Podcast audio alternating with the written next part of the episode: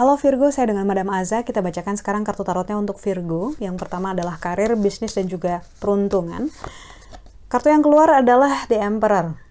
Ini menunjukkan adanya energi raja. Biasanya kartu Emperor ini justru keluar saat seseorang lagi ngerasa unworthy, nggak jelas dengan hal yang diinginkan, ataupun lagi dikasih tugas baru terus dia nggak yakin dengan dirinya sendiri gitu ya. Tapi nggak usah khawatir karena kartu The Emperor ini bilang kamu bisa, kamu punya potensinya, kamu hanya perlu untuk lebih menghargai dirimu sendiri dan percaya sama dirimu sendiri. Tentu saja rasa percaya diri ini nggak datang seketika ya gitu. Karena kalau kamu ngerasa belum capable, ya dilatih dirinya supaya bisa jadi lebih capable. Jangan yang kayak aduh saya nggak bisa nggak bisa tapi kamu nggak melakukan apa pun untuk mengubah ketidakbisaan itu. So, fokus dulu gitu sama hal-hal yang ingin kamu raih. Masalah bisa sih, insya Allah bisa. Lalu untuk, aduh, berjatuh. Lalu untuk percintaannya Virgo, kartu yang keluar adalah The Hermit.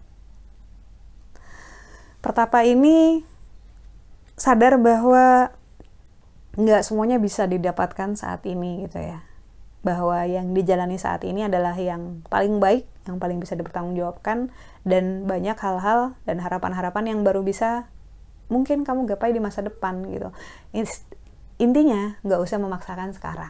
Kalau memang masih bisa ditunda dulu di masa yang jauh lebih baik gitu ya, lebih comfortable, lebih nyaman, lebih selesai gitu tidak usah memaksakan karena itu adalah ego. Kartu The Hermit juga menunjukkan satu tangan kanan dan kiri di mana satu di belakang, satu di depan. Yang di belakang harus diingat posisinya sudah di belakang dalam arti di masa lalu. Yang tidak perlu jangan dibawa ke masa depan. Lalu kartu nasihat yang diberikan untuk Virgo. Kartu yang diberikan untuk Virgo adalah judgment ketika kartu judgment keluar nasihat yang diberikan adalah berhati-hati dengan energi panas yang ada di sekeliling kamu dan kemungkinan juga ada di dalam diri kamu. Ada unsolved business, ada urusan yang belum selesai, jangan dibakar. Api ketemu api, nggak ada yang menang. Mungkin ngerasa puas sebentar, ujung-ujungnya nanti ngerasa bersalah, ngerasa menyesal gitu. Kata-kata yang sudah dikeluarkan, keputusan yang sudah dilakukan belum tentu bisa di cancel gitu. Dan ibaratnya kertas kalau udah remuk gitu ya mau kita lurus-lurusin tetap nggak akan bisa seperti awalnya lagi. Karena itu kartu judgment yang menunjukkan tentang adanya potensi konflik ini menyarankan untuk diri kita menenangkan diri kita sendiri membuat situasi jadi lebih nyaman buat diri kita gitu ya. Jangan memaksakan hal-hal yang belum saatnya dan fokus ke dalam diri sendiri.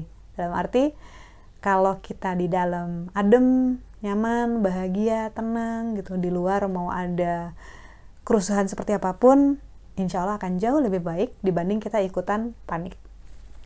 Sekian bacaannya, semoga bermanfaat. Kita doakan yang terbaik saja untukmu. Semoga sehat selalu, panjang umur, kaya raya, bahagia, berkelimpahan segala hal yang baik dari Tuhan Yang Maha Esa. Terima kasih. Jangan lupa bantu saya dengan cara diklik like-nya, subscribe, share, dan juga komen.